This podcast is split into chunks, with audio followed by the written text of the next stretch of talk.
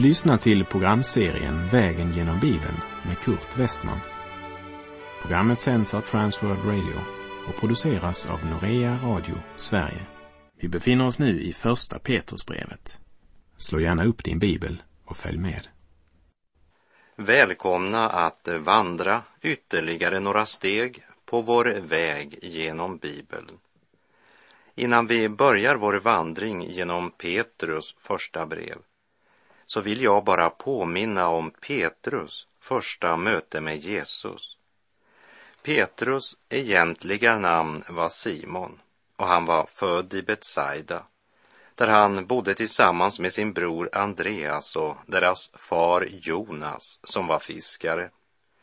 Simon och Andreas var lärjungar till Johannes döparen och det var Andreas som förde sin bror Simon till Jesus.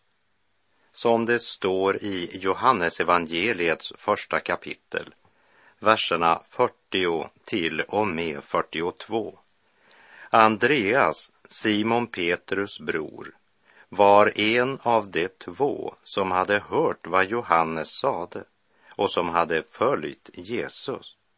Han fann först sin bror Simon och sa till honom, vi har funnit Messias, det betyder Kristus, och han förde honom till Jesus. Jesus såg på honom och sade, du är Simon, Johannes son. Du skall heta Kefas, det betyder Petrus. Simon betyder förstöring eller det delade, det som inte håller måttet. Medan det hebreiska Simeon betyder bönhörelse. Det är som om Jesus säger till Simon, du är vad du heter.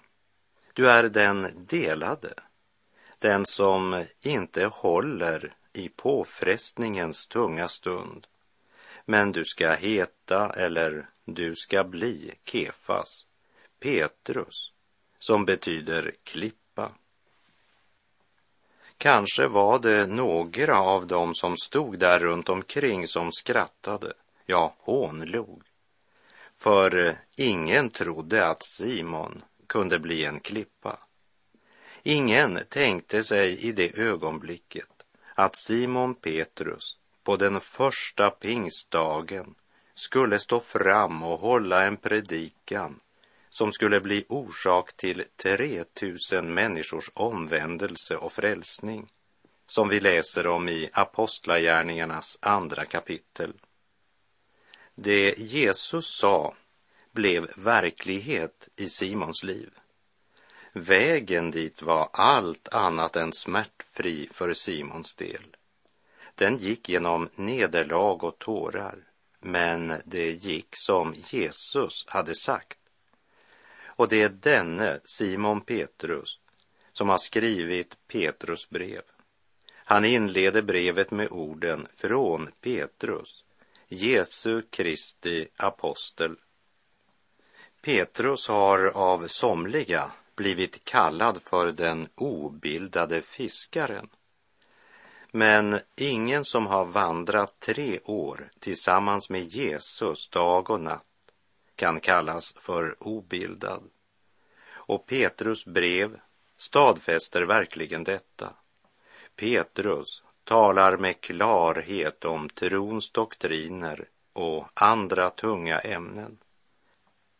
Man har sagt att Paulus kallas trons apostel, Johannes kärlekens apostel och Petrus för hoppets apostel. Petrus talar om Kristus som profetiornas fullbordan. Och eftersom Kristus är vår salighetshopp uppmanar han oss till en helig vandel. Han säger, ni är av Gud Fadern förutbestämda till att helgas genom Anden, så att ni lyder och blir bestänkta med Jesu Kristi blod. Petrus talar om utvälgelse, helgelse, lydnad, Kristi blod, treenigheten, Guds nåd, frälsning, uppenbarelse, härlighet, tro och hopp. I några få verser koncentrerar han den kristna trons doktriner på ett sätt som uppenbarar att det är något mera än bara en fin teori. Det handlar om något mera än en olärd fiskare. Det handlar om en man som fötts av Gud till ett levande hopp och vars budskap är präglat av uppenbarelsens ande, smörjelse från Gud.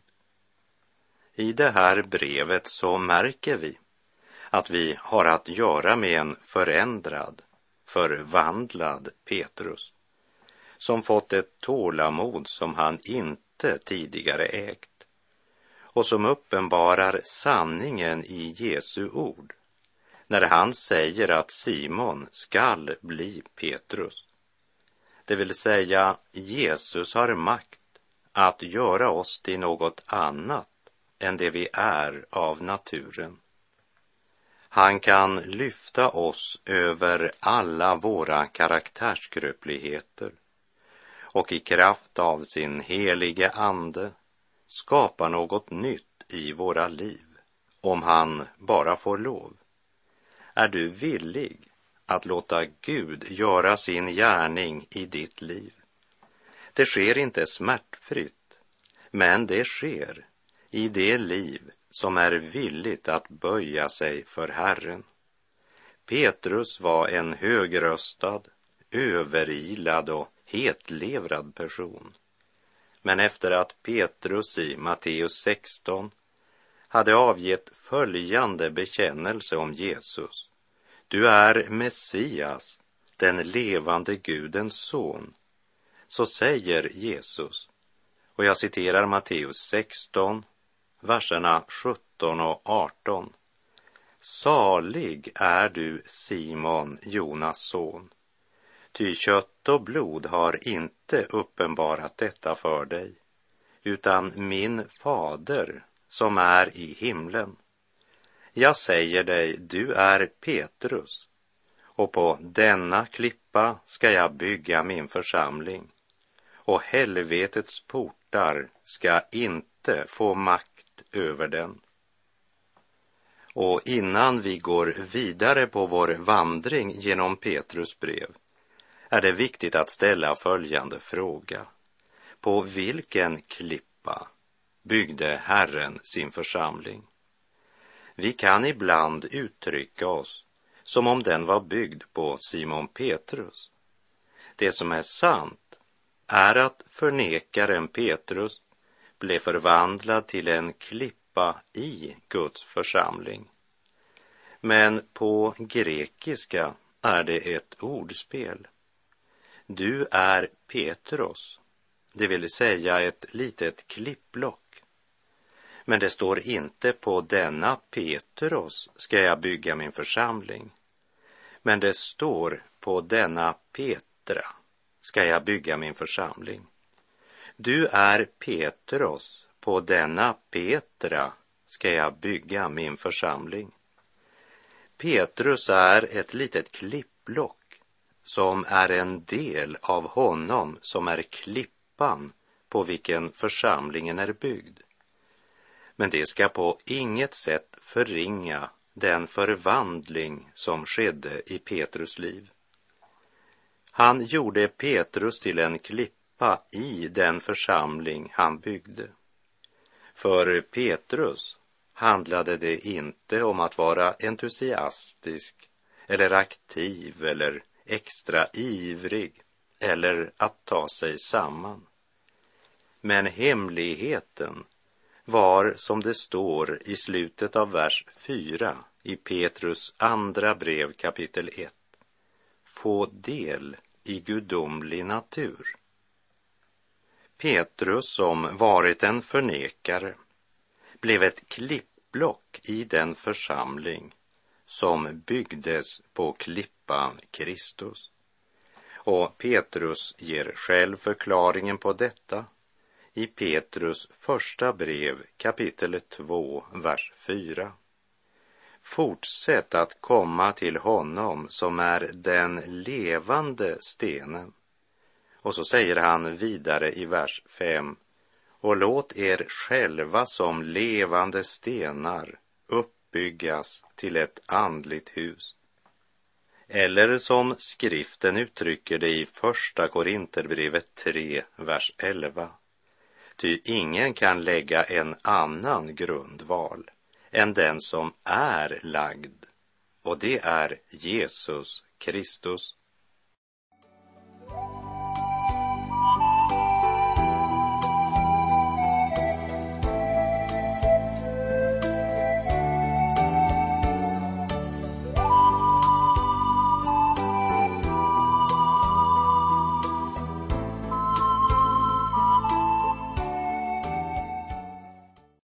När Petrus i sitt första brev kapitel 2, vers 5 säger och låt er som levande stenar byggas upp till ett andligt hus, ett heligt prästerskap som ska frambära andliga offer som Gud tack vare Jesus Kristus tar emot med glädje.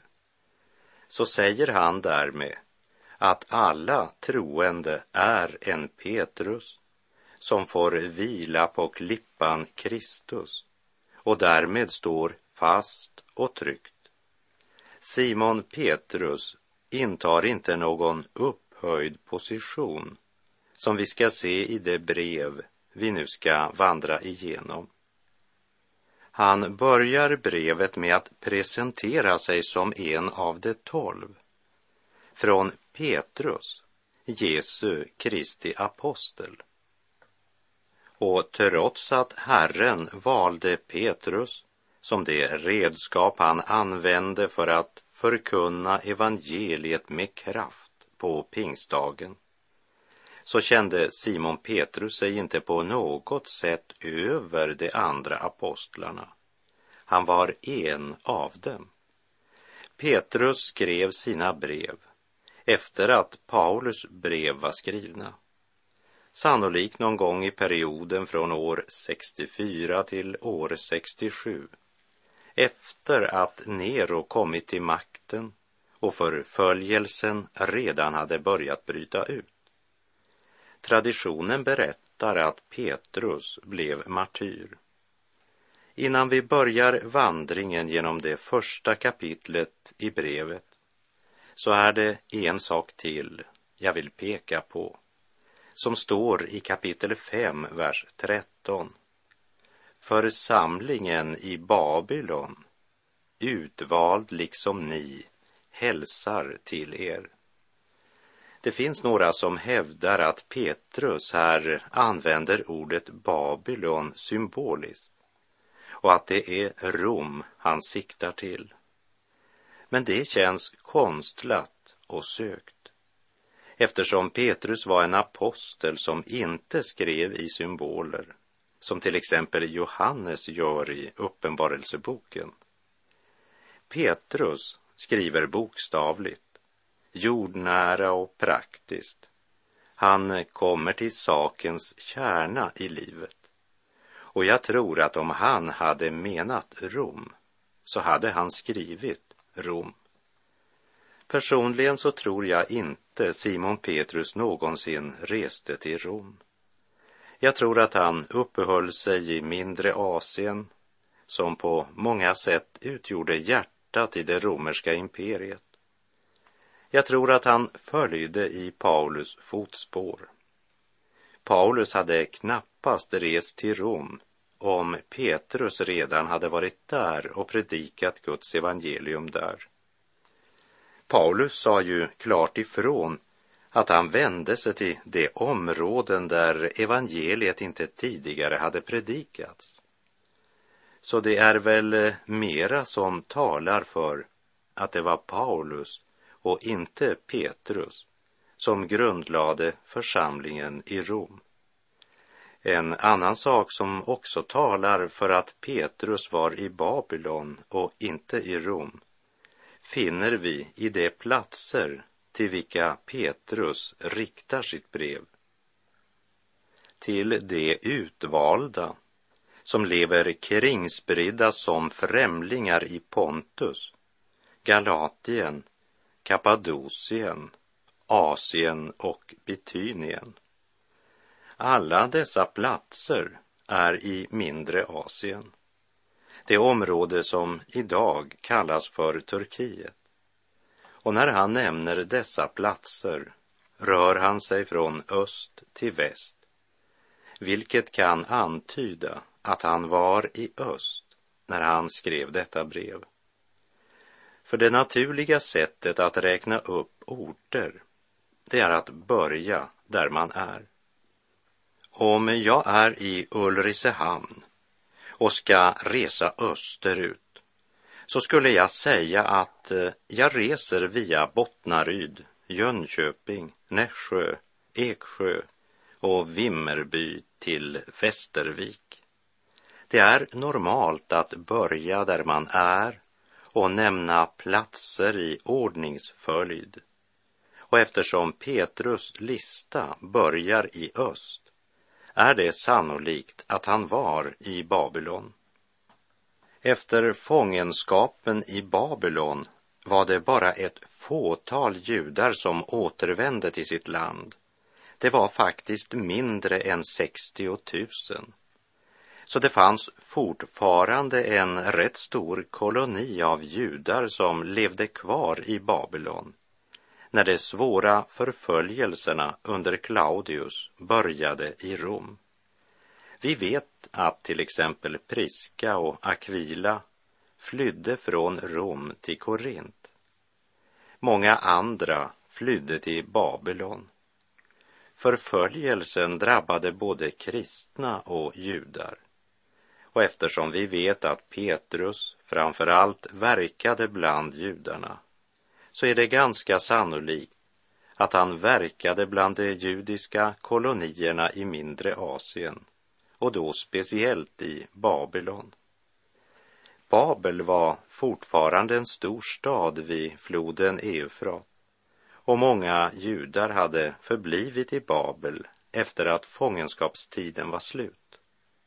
Bortsett från att Papias nämner Petrus som om hans död skedde i Rom, så finns det ingen övrig historieskrivning som stadfäster detta antagande. Jag ser ingen orsak i att ifrågasätta att Petrus var apostel för det av nationen Israel som blev kringspridda i mindre Asien. Jag tror att Petrus reste mot öst medan aposteln Paulus reste mot väst.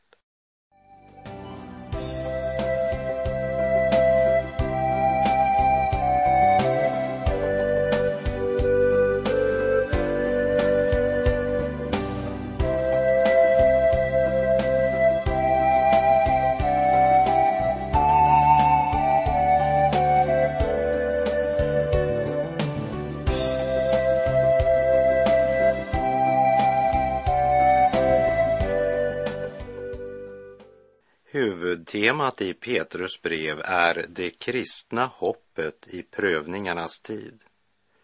Det vilar en gudomlig kraft över Petrus brev, genomsyrad av den himmelska världens uppenbarelseljus, talar Petrus om hoppet såsom ingen annan. Trots att temat framför allt är prövningar och lidande tränger det levande hoppet igenom alla mörka moln. Med all respekt för Paulus, som skrev så underbart om rättfärdiggörelsen genom tron, eller Johannes, som så fantastiskt talar om Guds kärlek till förlorade syndare, så är det Petrus framför någon annan som kan kallas hopp hoppets apostel. Med suverän skärpa lyfter han också fram Guds nåd.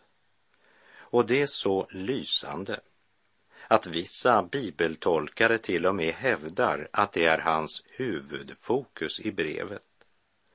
Ändå är det orden prövning eller lidande och lida som är hans bärande tema. Men över all prövning lyser det levande hoppet. Och hoppet är alltid förenat med lidande. Och därför tror jag att det är rätt att säga att brevets tema är det kristna hoppet i prövningarnas tid. Petrus har en hel del att säga om den troendes lidanden.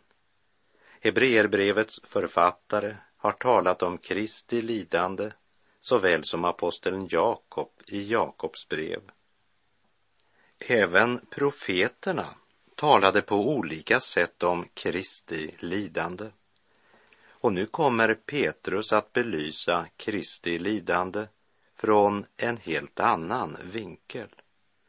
Men allt har sin grund i det fullbordade frälsningsverket och den segerrika uppståndelsen. Petrus talar utifrån väl grundad erfarenhet. I sin bok A Practical Commentary on First Peter så skriver doktor Jobert Layton följande kommentar. Det är bara kyla och livlöst prat att tala om andliga ting bara utifrån en rapport. Men när en människa kan tala av erfarenhet som något man själv har del i och intresse av och personligen smakat dess sötma, sådana talar levande och med överbevisning och blir själva så gripna att de inte kan undgå att prisa Herren. Och det är väl en av orsakerna till att Petrus, även när han talar om prövningar och lidanden, fokuserar på glädjen. För en tid sedan så hade jag tillfälle att gå och lyssna till en förkunnare som jag inte hade hört på många, många år, kanske tjugo. Redan som ung visade han sig vara en duktig talare. Men denna söndags förmiddag fick jag uppleva något mera än en duktig talare. Jag fick lyssna till en ödmjuk Herrens tjänare som svingade andens svärd med frimodighet och full av andlig kraft. Och skillnaden är att sedan sist jag hörde denna gode broder så har han upplevt lidande, förföljelse, baktal, svårigheter och många svåra prövningar. På lidandets djup skapas den andliga akustik som inte kan läras på biblioteket. För det handlade långt mera om ett budskap grundat på personlig erfarenhet än på en allmän textutläggning. Spontaniteten var varm och äkta, men inte högröstad. Vi lyssnade till ett vittne, inte en föredragshållare. Och den som fostrats i prövningarnas skola blir aldrig så upptagen av tjänsten att han glömmer individen. Det var evangeliets grundsanningar förkunnade både med vision och tradition i en sund balans, där andens kraft var verksam. Som en fyrbåk i natten stod denne prövade broder på talarstolen och förmedlade evangeliets himmelska ljus till alla de närvarande. Pris ske Gud. Och både jag och min hustru tackade Gud för att lokalen var fullsatt denna förmiddag. Även om vi båda mycket väl vet att antalet människor inte är någon värdemätare på vad som är ett stort möte. Men det är underbart när lokalen är fullsatt och man från podiet får höra evangeliet förkunnas under Guds andes smörjelse med ande och kraft. Samtidigt kunde jag under mötets gång inte hålla tårarna tillbaka. För jag visste att sådana budskap och sådana förkunnare föds inte utan prövningar och lidande. Och så gick mina tankar till Petrus brev, aposteln som talar om det kristna hoppet i prövningarnas tid. Tänk när striden den sista är vunnen och jag går över floden så glad. Tänk när hamnen den sköna är hunnen och jag skådar Guds eviga stad. Tänk när frälsaren kronan ska räcka sina trogna av nåd underbar. När min evighetstörst jag får släcka i den levande källan så klar. Tänk när vi skall där möta dem åter, våra kära som redan gått hem. Ingen längre av saknad där gråter, ty vi aldrig mer skiljas från dem. Tänk när himlens orkester ska spela, vilken härlig musik det ska bli. Och när helgonens glädje vi dela ljuder sången i ljuv harmoni. På de solljusa strålande höjder få de frälsta sist mötas i frid för att njuta det saligas fröjder och få vila från jordlivets strid. Och med det så är vår tid ute för den här gången. Så ska vi i nästa program börja vandringen genom Petrus första brev. Ett brev skrivet för prövningarnas tid, fyllt av ett hopp som är levande, härligt och evigt. Det handlar om Kristus, vårt hopp, och det profetiska ordets fullbordan. Lovad vare Gud. Herren vare med dig. Må hans välsignelse vila över dig. Det finns hopp för din framtid. Gud är god.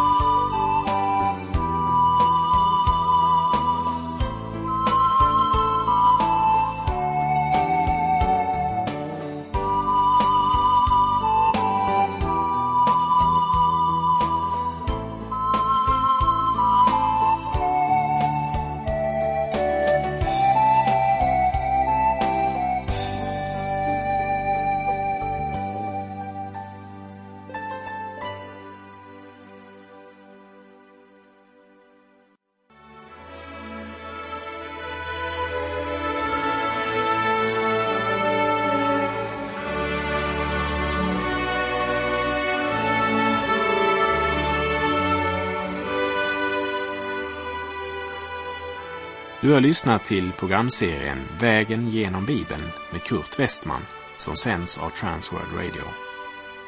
Programserien är producerad av Norea Radio Sverige.